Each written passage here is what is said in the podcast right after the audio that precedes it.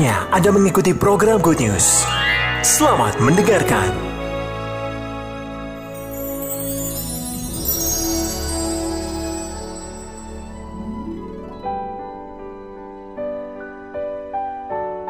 Ya, shalom.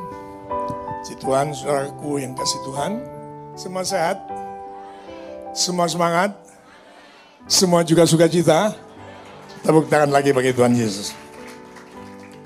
Di awal tahun ini, saya ingin menyampaikan bahwa tema besar dari gereja Bethel Indonesia adalah Disciple of Christ and Discipling the Nation. Bahasa Indonesianya jelas, menjadi murid Kristus dan memuridkan bangsa. Firmannya terambil dari kisah para rasul pasal kedua, ayat 41 sampai dengan 47. Dan nanti saudara akan mendengar dari sana elemen apa saja yang harus kita perlengkapi pada diri kita sebagai gereja Tuhan. Sebab elemen-elemen itulah yang membuktikan bahwa kita ini bergerak ke depan semata-mata hanya oleh karena kasih yang datang dari Allah. Itu yang akan disebutkan sebagai kasih mula-mula. Sehingga kita harus jaga sepanjang perjalanan kehidupan kita di bawah kolong langit ini.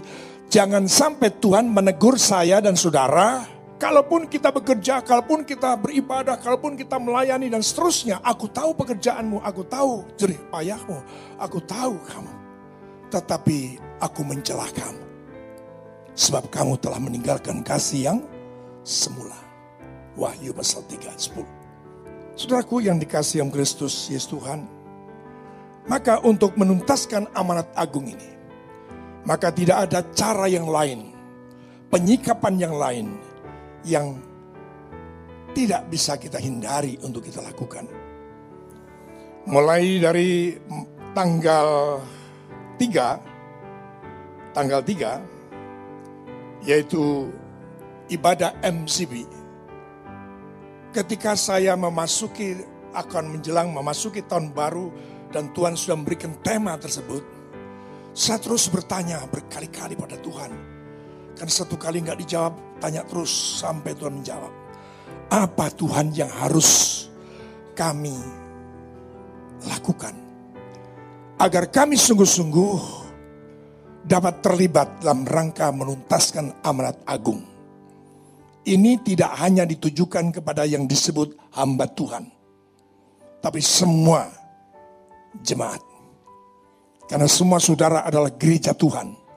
Semua saudara mendapat tanggung jawab yang sama. Yang setuju tepuk tangan dulu bagi Tuhan Yesus. Sehingga saya sampaikan pada saat kemarin di dalam Malang City Blessing, ternyata apa yang Tuhan kendaki itu adalah supaya kita ini harus sungguh-sungguh fokus dan menjaga hati nurani kita tetap murni. Berawal daripada peristiwa di mana Rasul Paulus itu diperhadapkan di hadapan sidang. Dia mendapat tekanan yang luar biasa. Ya.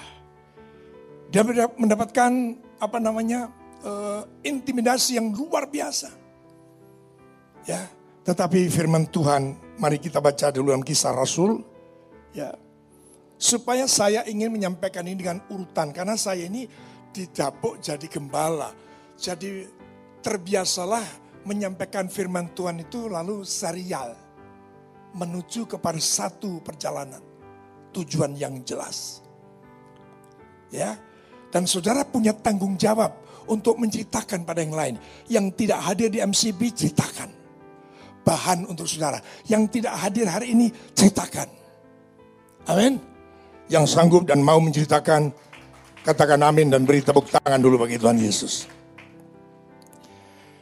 Di sana saya sampaikan hari Rabu kemarin, tetap fokus dengan menjaga hati, ya, menjaga hati, apa namanya, hati nurani yang murni. Dari kisah per Rasul 24, ya, yang saya bacakan ketika itu dari ayat 1 sampai dengan ayat yang ke-16. Tetapi saya akan mengarah saja kepada firman Tuhan yang menyatakan hal ini kepada kita, ya, coba mungkin dibantu ditayangkan di mana Rasul Paulus menyatakan bahwa aku berusaha, aku menjaga hati nuraniku tetap murni baik di hadapan Allah maupun di hadapan manusia. Ini yang harus kita jaga. Sehingga Rasul Paulus memberikan contoh kepada kita, sekalipun dalam tekanan, sekalipun ada dalam satu intimidasi, dalam satu berhadapan dengan siapa pun juga, dia tidak berubah. Dia menjaga komitmennya. Dia dipilih oleh Tuhan, diper, dipercaya oleh Tuhan hanya untuk memberitakan kabar baik. Dan tidak kompromi dengan situasi kondisi yang ada. Ya, eh, cari saja firman yang itu, bukan nih. Ya. 16, 16. Oke, 16. Langsung 16. Sebab aku, sebab itu aku senantiasa berusaha untuk hidup dengan hati nurani yang murni di hadapan Allah maupun manusia. Saya harap saudara sudah mengerti apa yang dimaksud fokus, apa yang dimaksud dengan hati nurani yang murni. Nanti itu akan saya perjelas sampai sepanjang tahun ini. Ya, Sebab saya dapat tugas itu tentu bersama dengan saudara. Untuk melakukannya dalam rangka menuntaskan amanat agung. Tuhan Yesus Kristus. Berikan dulu tepuk tangan saudara bagi Tuhan Yesus. Saudaraku yang dikasih yang Kristus Yesus Tuhan sehingga siang hari ini akan saya lanjutkan. Kalau kemarin itu dua perkara fokus dan hati nurani yang murni. Sekarang mari saya akan ajak saudara untuk melihat uh, satu perkara yaitu fokus ya fokus terhadap Yesus Kristus Tuhan. Jangan sampai saudara kehilangan fokus saudara kepada Yesus Kristus Tuhan.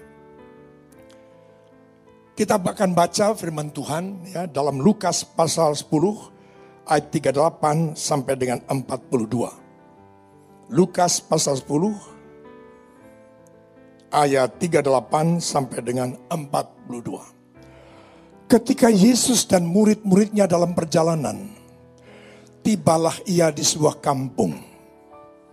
Seorang perempuan yang bernama Marta menerima dia di rumahnya. Perempuan itu mempunyai seorang saudara yang bernama Maria. Maria ini duduk dekat kaki Tuhan dan terus mendengarkan perkataannya. Sedang Marta sibuk sekali melayani. Dia mendekati Yesus dan berkata, Tuhan, tidakkah engkau peduli bahwa saudaraku membiarkan aku melayani seorang diri? Suruhlah dia membantu aku. Tetapi Tuhan menjawabnya, Marta, Marta. Engkau khawatir dan menyusahkan diri dengan banyak perkara. Tetapi hanya satu saja yang perlu. Maria telah memilih bagian yang terbaik yang tidak akan diambil daripadanya. Ya, oke. Okay. Ya sampai di situ ya. Baik, Tuhan. Saudaraku yang dikasih Tuhan. Kita coba akan mengenali apa yang Tuhan kehendaki hari-hari ini. Saya di awal tahun ini sungguh diteguhkan Tuhan untuk menyampaikan hal ini. Kalau saja kita sudah buat spanduk, buat tema, mendapatkan tema. Untuk terlibat dalam rangka menuntaskan amanat agung. Bagaimana itu dapat terlaksana, bagaimana kita dapat membuktikan kita terlibat secara aktif, bukan pasif. Bagaimana? Maka saudara berbicara dengan jelas, kamu harus fokus. Kamu harus lakukan semuanya itu dengan hati nuranimu yang murni. Tidak ada pertimbangan-pertimbangan lain. Tidak ada alas, dasar dan alasan yang lain. Tetapi hanya oleh karena panggilan yang telah kuberikan kepadamu. Saudaraku yang dikasih yang Kristus, Yesus Tuhan. Yang intinya adalah mengajak kita sekalian untuk bisa lebih menyatakan dalam aktivitas kita mengutamakan Tuhan. Saya ulang, untuk mengutamakan Tuhan dalam segala sesuatu. Dalam segala sesuatu. Itu harus menjadi sesuatu yang nyata. Ya, yang nyata. Dan saya sudah mulai sampaikan pada saat MCB seperti sekatan tadi. Maka mengingat tugas gereja ini, gereja Tuhan adalah untuk menuntaskan amanat agung. Kita yang diselamatkan ini ternyata punya tugas untuk menyelamatkan yang lain. Tidak bisa kita tinggal diam. Tidak bisa saya yang menyebut diri saya atau disebut orang lain bahwa saya dan saudara adalah orang Kristen, pengikut Kristus. Kita bersenang-senang dengan kesenangan kita sendiri. Ada tujuan yang pasti yang harus kita lakukan selama kita hidup dalam dunia sekarang ini. Selama saya menyebut diri saya sebagai seorang Kristen, selama saya menyebutkan sebagai bagian daripada gereja Tuhan, sesungguhnya tugas ini harus kita emban. Tugas ini harus kita lakukan. Mari yang setuju, berikan tepuk tangan bagi Tuhan Yesus. Karena apa saudaraku yang dikasih Tuhan, harus kita nyatakan dengan lebih sungguh, lebih nyata. Ya, bahwa kita ini sebenarnya sedang masuk dalam pertandingan iman. Dan dalam pertandingan itu ada tujuan yang jelas. Coba kita tengok dalam 1 Korintus pasal 9 ayat 23 sampai 27. Ya, Rasul Paulus sudah memberikan gambaran untuk menjelaskan bagi setiap kita. 1 Korintus 9 ayat 23, segala sesuatu ini aku lakukan hanya karena apa? Injil. Supaya aku mendapat bagian di dalamnya. Segala sesuatu yang saya dan saudara kerjakan, segala sesuatu yang saudara dan saya lakukan, semuanya itu hanya oleh karena Injil. Dasar dan alasannya hanya oleh karena Injil. Berikan tepuk tangan dulu bagi Tuhan Yesus. 24. Tidak tahukah kamu bahwa dalam gelanggang pertandingan semua peserta turut berlari? Tidak ada yang diam Semuanya turut berlari, tetapi bahwa ada hanya satu orang saja yang mendapat hadiah. Karena itulah larilah begitu rupa sehingga kamu memperolehnya. Nggak ada yang diam-diam, bahkan maaf ini hanya menjelaskan saja. Plonga, plong. Eh, kayak nanti kayak, nanti kayak. Oh telat mana? Sing lainnya sudah pada berangkat, pada naik mobil, berangkat. Loh, kayak nanti, kok aku dikandani ya? 2024 tidak akan terjadi lagi. Semuanya proaktif, semuanya bangun, semuanya bangkit. Hanya untuk menuntaskan amanat agung. 24, 25.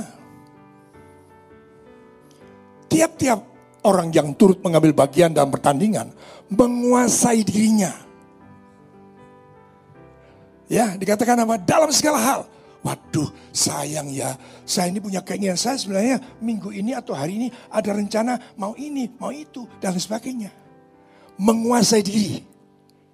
Kalau memang kita terlibat untuk menuntaskan amanat agung, yang terutama adalah Yesus Kristus, maka yang terutama yang harus kita kerjakan juga adalah Injil. Yesus Kristus Tuhan. Berikan, sekali lagi berikan tepuk tangan.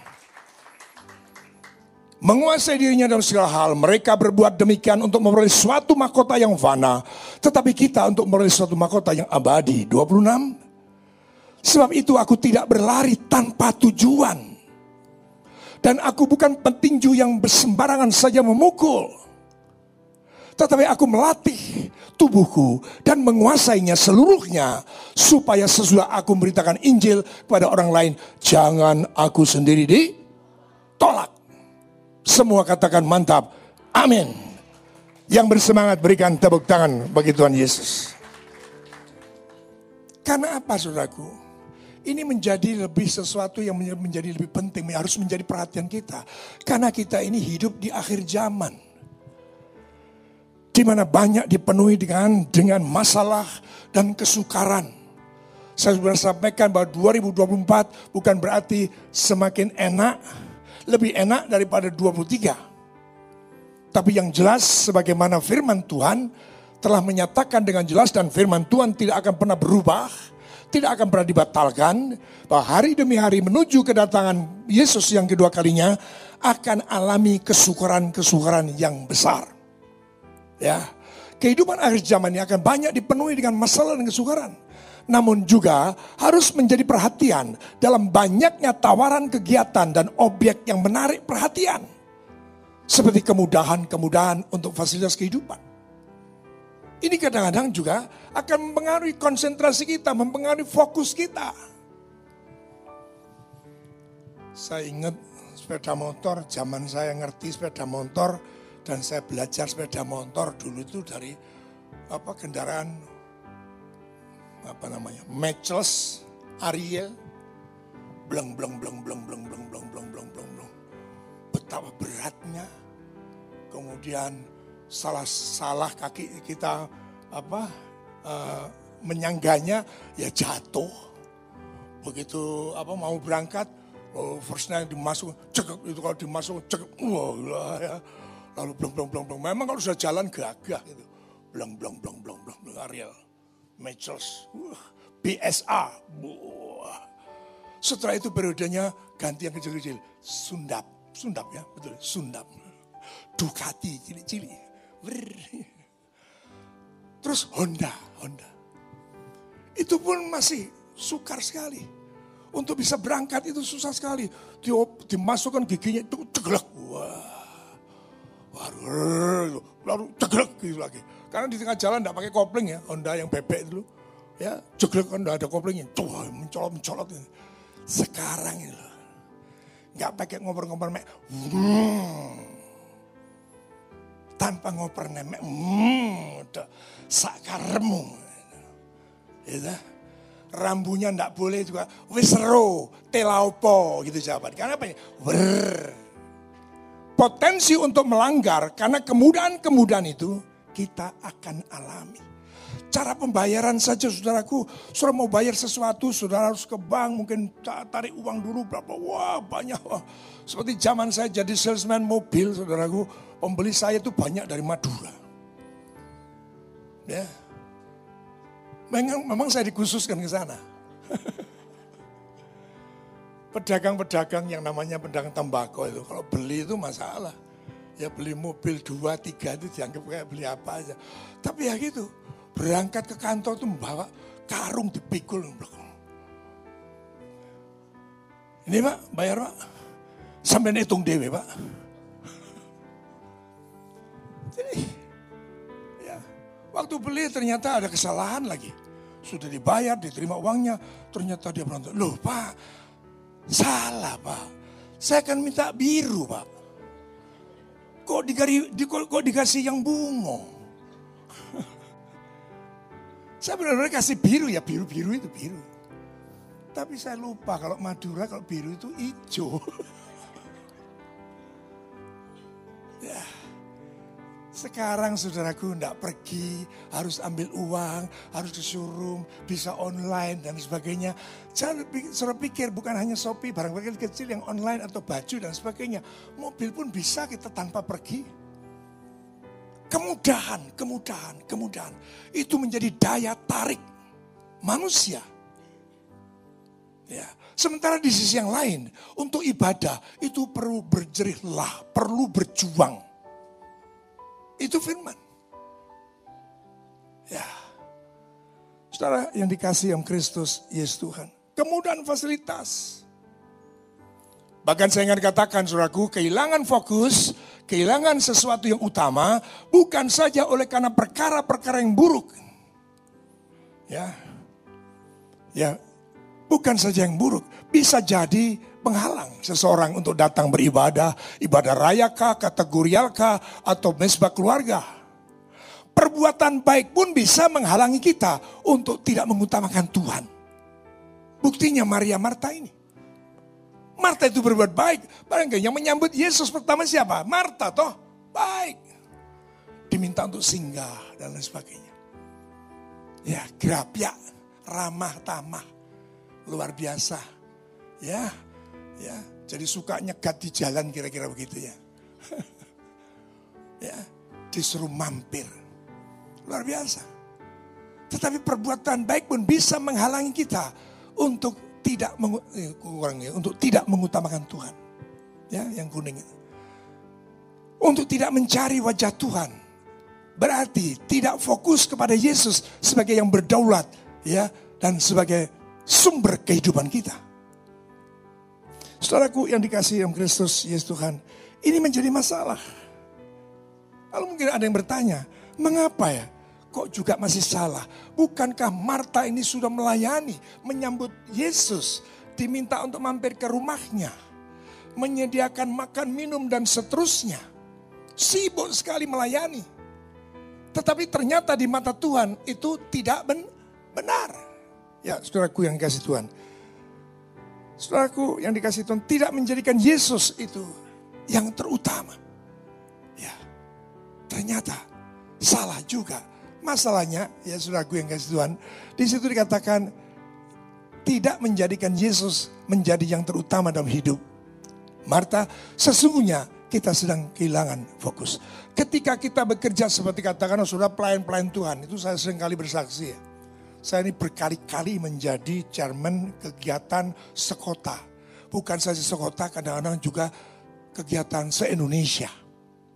Waktu DPA ya tahun 2004 yang saya ya, yang apa doa untuk Indonesia semua yang gubernur datang dan sebagainya.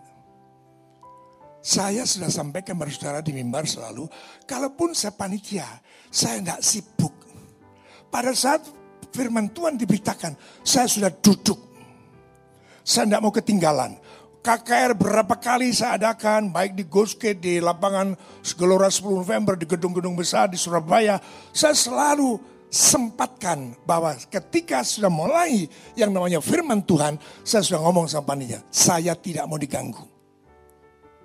Saya tidak macak sibuk wirawiri, riwariwi, merono, merene. Tapi saya duduk untuk dengarkan firman Tuhan. Itu yang dimaksud mengutamakan Yesus Kristus Tuhan. Jangan sampai kita kehilangan fokus. Sesungguhnya sikap Marta itu sudah benar. Ya, sudah benar. Coba dibaca lagi ayat 38. 38. Dia yang menyambut loh. Ketika Yesus dan murid-muridnya dalam berjalan, tibalah ia di sebuah kampung. Seorang perempuan yang bernama Marta menerima dia di rumahnya. Bagus, hospitality-nya bagus. Tidak disuruh lewat, loh lewat ya. ya tapi di, di, diharapkan tinggal. Bagus, sudah bagus. ya Terus, ya bahkan mendorong orang lain untuk terlibat. Ayat 40, 40, 40 sekarang. Ya. Di situ dia berkata, Tuhan engkau uh, tidakkah engkau peduli bahwa saudaraku membiarkan aku melayani seorang diri? Suruhlah dia membantu aku. Peduli juga untuk orang lain supaya melayani. Tapi coba lihat apa yang Tuhan katakan di situ. Ya, tetapi Tuhan menjawab Marta, Marta, Marta. Engkau khawatir dan menyusahkan diri dengan banyak perkara. Tetapi hanya satu saja yang perlu. Maria telah memilih bagian yang terbaik. Yang tidak akan diambil daripadanya. Semua berkata amin. Jadi kalau saudara hamba Tuhan, siapa pun saudara yang ada di dalam jemaat ini, saudara mendapat tugas ini, tugas A dan sebagainya, jangan terus macak sibuk. Ya, apalagi mungkin pembicaranya siapa atau mungkin siapa lah, wah sibuk wirawiri, wirawiri, terus gerak terus ditakoni, tadi khotbahnya apa? Hmm, bu, saya sibuk, sorry. Waduh, saya sibuk, sorry. Hati-hati, saudaraku. Kenapa? Perjalanan menuju kepada kedatangan Tuhan kali yang kedua diwarnai dengan masalah kesukaran dan lain sebagainya. Tuhan pakai itu semuanya untuk menjadi cara Tuhan menampi, melakukan seleksi saudara dan saya di mata Tuhan. Amin. Hati-hati. Saya ingatkan hati-hati. Hari-hari ini kita harus lebih fokus harus lebih jelas. Setiap hari, setiap kegiatan yang kita kerjakan harus pakai dasar dan alasan mengapa saya mengerjakan itu, mengapa saya lakukan itu, mengapa saya berbuat baik, mengapa saya mengunjungi dalam kunjungan uh, doa untuk uh, jemaat kun, apa, pelayan kunjungan dan sebagainya, bukan oleh karena sesuatu yang lain. Semua harus atas dasar dan alasan. Hanya oleh karena Injil kerajaan surga. Hanya oleh karena Yesus Kristus yang memberikan kepada saya kepercayaan. Katakan amin. Jangan oleh karena sesuatu yang lain. Jangan karena jadwal. Lakukan semuanya itu dengan ketulusan hati. Sehingga dengan demikian motivasi saudara tidak pernah salah. Dan saudara tidak akan pernah bergeser dengan tekanan, dengan intimidasi, dengan situasi, kondisi yang berubah. Mungkin kunjungan, lalu masalahnya apa? Mobil. Saya sudah katakan pernah beberapa bulan lalu. Kalau sudah jelas tugasnya hari ini memang harus ada kunjungan. Saya tidak mau kunjungan tidak terjadi hanya oleh karena transportasi. Saya pernah sampaikan itu toh. Ya. Kalau memang tidak ada katakan mobil gereja rusak, ya mobil yang ada. Kalau mobil yang ada nggak bisa, ya sepeda motor. Bahkan saya katakan, kalau sampai tidak ada sepeda motor, ya panggil Grab. Kalau sampai kemudian katakan bensin tidak ada, minta Ratna. Waktu itu saya katakan. Amin. Jangan oleh karena situasi dan kondisi. Apalagi terus kemudian, anu, cekot-cekot ini saya. Gigi saya sakit. Padahal sebenarnya tidak sakit, tidak merah sidik-sidik. Tapi begitu dia oh iya pak sakit pak. Hmm, mandarot nak sakit tenanan. Jangan oleh karena dasar alasan situasi kondisi yang tidak favorable. So gagal. Lakukan segala sesuatu dalam kegiatanmu. Saya sampaikan sama ibu, ibu ini sebenarnya sudah pensiun. Tapi ketika ditanyakan pada saya, bagaimana? saya diminta membantu untuk Petra. Ternyata setelah Petra berjalan, datang lagi. Saya juga diminta bantuan oleh Ciputra. Saya jawab apa? Saya melihat ibu sehat, masih poten, punya poten. saya enggak, enggak lemah. Dan punya keilmuan yang bisa di bagikan. Lakukan. Ini baru pulang tadi malam setengah 12 malam. Dari Yogyakarta sana. PP pagi berangkat, jam 4 pagi berangkat, pulang setengah 12. Saya jam 10 gelisah. Karena saya ngitungnya, udah buyar, ini, kita hitung 4 jam Jogja Surabaya. Lalu saya fereng lagi, saya tambah lagi satu jam untuk makan dan seterusnya. Berarti ya sudah, karena waktu itu jam 6. 6 berarti jam 11 lah. Tanda jam 10 kalau tanda-tanda. Ya, enggak ada. Terus saya WA, ibu ini di mana?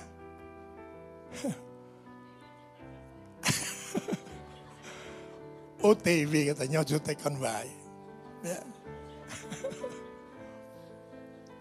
Ini HP-nya lobet katanya. Di luar hujan turis peteng katanya.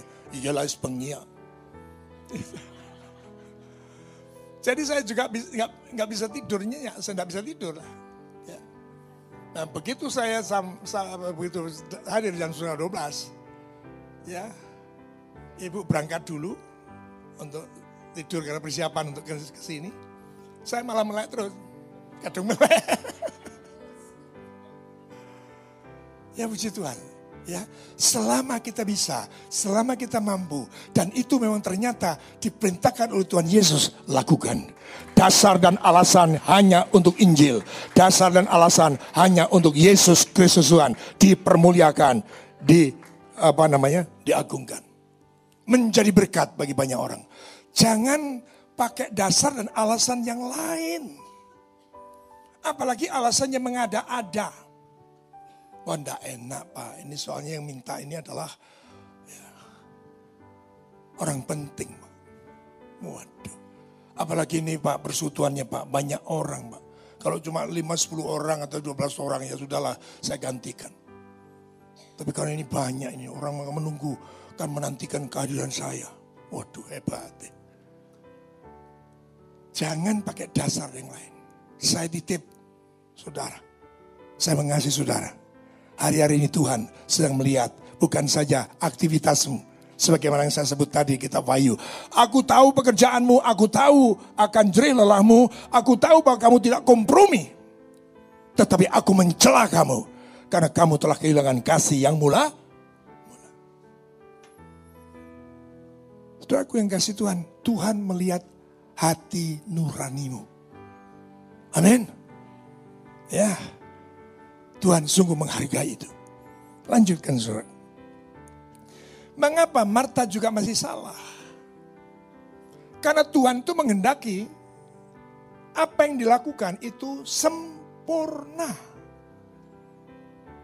Sempurna yang Tuhan kehendaki. Ya. Jadi mendekat pada Tuhan, mendengarkan perkataannya dalam bentuk khotbah, pengajarannya, berkata-kata dengan Tuhan dalam bentuk berdoa adalah kasih karunia, anugerah, kesempatan yang daripada Tuhan Yesus Kristus. Itu adalah anugerah, itu adalah kasih karunia, itu adalah kesempatan. Saya sudah berulang-ulang kali, saya kira saya tidak boleh menyembunyikan dan saya kalaupun bersaksi itu bukan berarti saya hebat. Saya pun banyak kelemahan, kekurangan. Sehingga sampai hari ini pun dalam keadaan kelemahan tubuh yang luar biasa. Tapi saya ingin bayar kekurangan itu semuanya. Saya sudah pernah sampaikan, kalau memang besok itu adalah ibadah, ya malam ini boleh pergi. Tapi ojo bengi-bengi. Nggak sesok alasannya ora iso tangi. Itu. Kerinan. Persiapkan semuanya. Ketika engkau mempersiapkan dengan baik ibadah seperti hari ini. Saya percaya Tuhan sudah perhitungkan semuanya itu sebagai kebenaran. Mari berikan tepuk tangan. Karena apa dikatakan kalau kita sampai sibuk menyibukkan dalam sesuatu yang lain, tidak mengabaikan sesuatu yang utama, itu artinya kita sedang dikuasai oleh kecemasan, kekhawatiran. Engkau gak, engkau gak, yone yone ora piye lah. Maka Matius pasal 6 ayat 33 menyatakan dengan jelas kepada kita, tetapi carilah dahulu kerajaan Allah dan kebenarannya, maka semuanya itu akan ditambahkan kepadamu. Pada saat itu perikopnya jelas, khawatir makan apa, minum apa, pakaian apa. So, kalau sudah mengutamakan mencari itu, saudara disamakan dengan orang-orang yang tidak mengenal Allah. Maka bagi saudara dan saya mengutamakan Tuhan, ya, mengutamakan Tuhan, itu artinya saudara sedang menghancurkan kecemasan, menghancurkan kekhawatiran, menghancurkan kegelisahan. Amin. Mari berikan tepuk tangan. Haleluya. Sehingga catatan yang kelima mengutamakan Yesus adalah langkah untuk menghancurkan kekhawatiran itu. Marta, Marta, kamu khawatir dengan segala sesuatu. Ya, saudaraku yang dikasih Tuhan. Kita harus mengerti apa yang Tuhan inginkan hari-hari ini. Jadi saudara harus mengejar sesuatu yang inti itu apa sih? Kekristenan yang inti itu apa sih sebenarnya?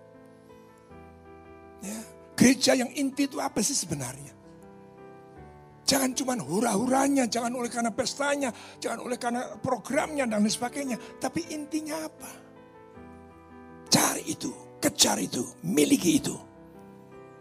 Saudaraku yang dikasih dalam Kristus Yesus Tuhan.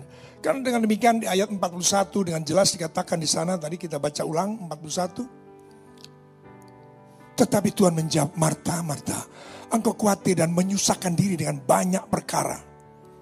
Terus, tetapi hanya satu saja yang perlu. Maria telah memilih bagian yang terbaik, yang tidak akan diambil daripadanya. Pelayanan itu bisa digantikan orang, tapi untuk dekat dengan Tuhan, untuk dengar firman Tuhan, itu tidak bisa diwakilkan. Saudara sendiri yang harus datang dekat, mendengar sendiri, menangkap sendiri, menerima sendiri. Amin. Ora iso titip, engkau tolong khotbah apa ya titip aku. Ora iso. Saudaraku yang dikasih Tuhan. Jangan sampai kita ini kemudian kalah. Hanya oleh karena tidak kemudian mencari yang mengutamakan Tuhan. Tidak datang ibadah, tidak melayani, dan lain sebagainya. Karena ada, ada kesenangan diri. Ada hobi. Waduh kalau tidak sekarang nanti kesempatannya hilang. Ya. Karena ini musimnya. Apalagi anak-anak saya itu sudah lama sekali kepengen main-mainan salju. Ya, ini kan musimnya di sono ada salju. Ya. ya. Alasan banyak. Jadi dikalahkan oleh hobi, oleh kesenangan pribadi, kepentingan pribadi, keinginan pribadi. Bayangkan Tuhan tidak terpengaruh oleh karena besarnya doa dosa saudara dan saya. Dia tetap datang dan rela mengorbankan dirinya. Tidak dipengaruhi, tidak bisa diintimidasi oleh sesuatu situasi kondisi yang ada. Tetap dia lakukan. Amin. Jangan sampai kita ini membuat salah di hadapan Tuhan. Raku yang dikasih yang Kristus, Yesus Tuhan. Jangan sampai kita mengutamakan kesenangan, keinginan pribadi, pendapat pribadi Melainkan apa yang Tuhan kendaki. Sesuatu yang inti. Utamakan itu. Berulang kali berapa tahun sebelum 2024. Saya sering berulang-ulang katakan. Tolong hamba-hamba Tuhan, maaf ini hamba Tuhan. Kalau saudara hadir pada hari Sabtu, maksudnya Tuhan mengadakan ibadah hari Sabtu itu untuk memperlengkapi saudara, mempersiapkan saudara. Apalagi di minggu pertama disertai dengan perjamuan kudus. Relakan. Alasannya Pak Sabtu membayari tukang. Ibadahnya tidak sampai jam 9 malam nih. Jam 12 sudah selesai. Minta saja izin sama pegawai, sama para tukang itu. Kecuali minggu pertama ya, aku telat. Tidak sampai minggu depan tak bayar, tetap tak bayar dinoiku. Amin. Sering kali masih saya mendapat mendengar itu. Saya tidak bisa paksa. Tapi karena saya mengasihi saudara, dan saya mendapatkan tugas, dipercayakan Tuhan untuk mengembalikan saudara, saya harus sampaikan ini. Keputusan bukan pada saya. Keputusan ada pada penjenengan semua. Berikan tepuk tangan bagi Tuhan Yesus. Jadi kalau untuk hadir seperti sekarang ini, masa susah sih? Kenapa? Saya dulu juga ngalami untuk mengutamakan kehadiran. Gak peduli saya datang itu baru jam setengah dua pagi. Ya, di Manyar ketika itu jam empat pagi sudah ada ibadah pagi. Setengah dua saya baru masuk rumah. Karena pulang, dari Malang. Saya pun setengah empat jam empat sudah ada di sana. Bukan dalam rangka cari muka, tidak. Urusan saya dengan Tuhan Yesus. Saya harus konsekuen. Saya mau disebut sebagai hamba Tuhan. Saya harus konsekuen. Saya buktikan bahwa saya harus mengutamakan Tuhan. Saya dan saudara harus bertindak sebagai yang sulung di antara banyak saudara. Menjadi teladan, menjadi contoh. Berikan tepuk tangan. Haleluya. Itu yang harus kita kerjakan. Kenapa? Tidak hanya sekedar program bisa menyelesaikan yang namanya menuntaskan amanat agung. Tapi kesiapan hatimu pengorbanan yang harus engkau lakukan itu yang akan mampu menyelesaikan. Kalau saudara membaca kisah 2, 41 sampai 47, mereka tiap-tiap hari berada dalam bait Allah. Mereka suka memuji dan menyembah Allah. Mereka suka bersekutu, mereka suka berbagi. Kemudian ayat 47 mengatakan apa? Karena mereka semua disukai banyak orang. Tuhan menambah jiwa tiap-tiap hari untuk diselamatkan. Berikan tepuk tangan. Ada pengorbanan yang harus kita lakukan. Ya. Mari kita baca saja ayat itu. Yang akhirnya 2, 46 dan 47. Pak Media. Dengan bertekun dan sehati mereka berkumpul tiap-tiap hari dalam bait Allah. Mereka memecahkan roti di rumah masing-masing secara bergilir dan makan bersama dengan gembira dan dengan tulus hati. Satu, dua, tiga, empat, tujuh, satu, dua, tiga bersama. Sambil memuji Allah. Dan mereka disukai semua orang. Dan tiap-tiap hari Tuhan menambah jumlah mereka dengan orang yang diselamatkan. Katakan amin. Berikan tepuk tangan bagi Tuhan Yesus. Tuhan membutuhkan kesungguhan hati kita, motivasi kita, loyalitas kita, dedikasi kita, cinta kita kepada Tuhan, cinta kita kepada sesama. Tuhan butuh itu, buktikan. Maka perlu fokus. Perlu hati nurani yang murni. Ya, jangan oleh karena contoh ini. Saya tidak pernah mendengar itu ada di keluarga DCM Pak, kenapa dibatalkan Pak? Kan saya pernah ngomong, Pak undang saya kalau sudah jemaatnya seribu. Tapi di tempat Pak itu kan masih 25. Kan saya sudah pernah ngomong. Ini namanya motivasi yang salah. Dasar dan alasan yang salah. Membatalkan satu pelayanan itu salah. Kecuali memang ada ording yang lain dari pimpinan saudara. Ya. Jangan sampai hal itu terjadi. Ada pertimbangan-pertimbangan yang sangat sensitif, pertimbangan-pertimbangan yang sangat pribadi.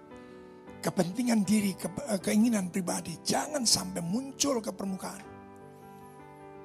Saudaraku yang dikasih Tuhan, ini yang harus menjadi perhatian kita ke depan. Karena sekali lagi, bukan gawe kita, tapi Tuhan butuh hati kita kesungguhan hati kita. Amin. Cinta kita kepada Tuhan. Pengorbanan kita. Itulah yang Tuhan kendaki. Dan Tuhan akan bekerja melebihi dari apa yang kita pikirkan. Melebihi dari apa yang kita doakan. Tepuk tangan yang panjang bagi Tuhan Yesus Kristus. Maka saya katakan saudaraku yang dikasih Tuhan dalam segala sesuatu dalam fokus hanya bagi Tuhan. Pak, profesi saya kan bukan hamba Tuhan, Pak, bukan pendeta. Tidak masalah, mau jadi dokter, mau jadi insinyur, menjadi mekanik, apa pun juga. Saudara lakukan semuanya itu untuk Tuhan.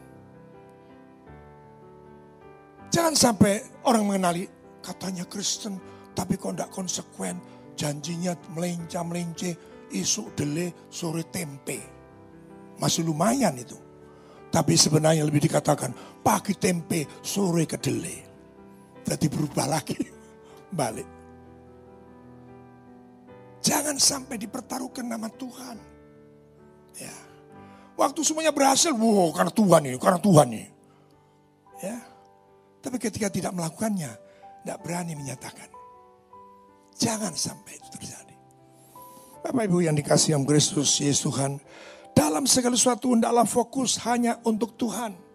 Karena firman Tuhan jelas dalam Roma 11:36, sebab segala sesuatu dari Dia, oleh Dia, kepada Dia, bagi Dialah kemuliaan untuk selama-lamanya. Jangan atas dasar dan alasan yang lain. Karena Tuhan sekali lagi mengendaki apa? Sempurna. Amin. Sempurnanya di mana? ketika saudara mengutamakan Tuhan itu sempurna. Mengalahkan yang lain. Saya kemarin cerita sama ibu. Oh, pernah nggak pada waktu saya menjadi staff di gereja itu. Kalau ada, sering karena pulang-pulang lambat. Sebab kalau bapaknya belum pulang, saya tidak berani pulang.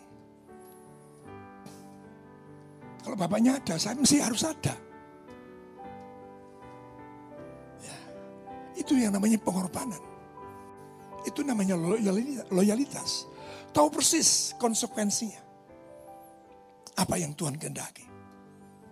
Ya, sampai-sampai murid Tuhan pada waktu itu kan Petrus mengamali bertanya, "Wah, guru, kami ini sudah meninggalkan segala-galanya nih. Keluarga kita tinggalkan, segala sesuatu kita tinggalkan, apa upah kita?" Yesus menjawab, "Apa saja yang kau tinggalkan demi aku, engkau mendapatkan lipat kali ganda dari semuanya itu. Mari berikan tepuk tangan. Maka saya mengatakan persekutuan dengan Tuhan, dengan mendengarkan, mendekat kepada Tuhan, mendengarkan firman, mendengarkan perkataannya, saudara sedang membangun hubungan intim dengan Tuhan. Hal itu tidak dapat digantikan kepada yang lain. Tidak bisa. Itu urusanmu sendiri. Gak bisa digantikan. Ya, untuk jadi WL di sini bisa digantikan. Untuk jadi Mas Kris bisa digantikan, jadi Pak siapa mau? Pak Franky bisa digantikan, Pak Dedi bisa digantikan.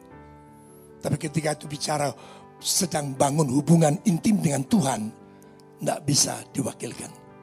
Tuhan mau saya sendiri, Tuhan mau saudara sendiri. Mari berikan tepuk Maka akhirnya saudaraku fokuslah hanya pada Yesus. Karena ketika saudara fokus mengutamakan Yesus, saudara sebenarnya sedang mengalahkan kepentingan pribadi, keinginan pribadi, kekhawatiran, kecemasan. Semua sudah akan kalahkan. Termasuk emosi dan perasaan saudara. Perasaan pribadi. Saudara semuanya itu. Ketika saudara kedapatan mengutamakan Tuhan, saudara sesungguhnya sedang mengalahkan semua kecemasan dan kekhawatiran saudara. Amin. Tuhan mendapatkan sesuatu saat ini? Utamakan Tuhan. Fokus. Jangan saudara pikir itu kan baik yang aku kerjakan. Masa aku tidak diperhitungkan? Tidak. Tuhan tuntut bukan sekedar baik. Tuhan tuntut sempurna. Berikan sekali lagi tepuk tangan bagi Tuhan Yesus.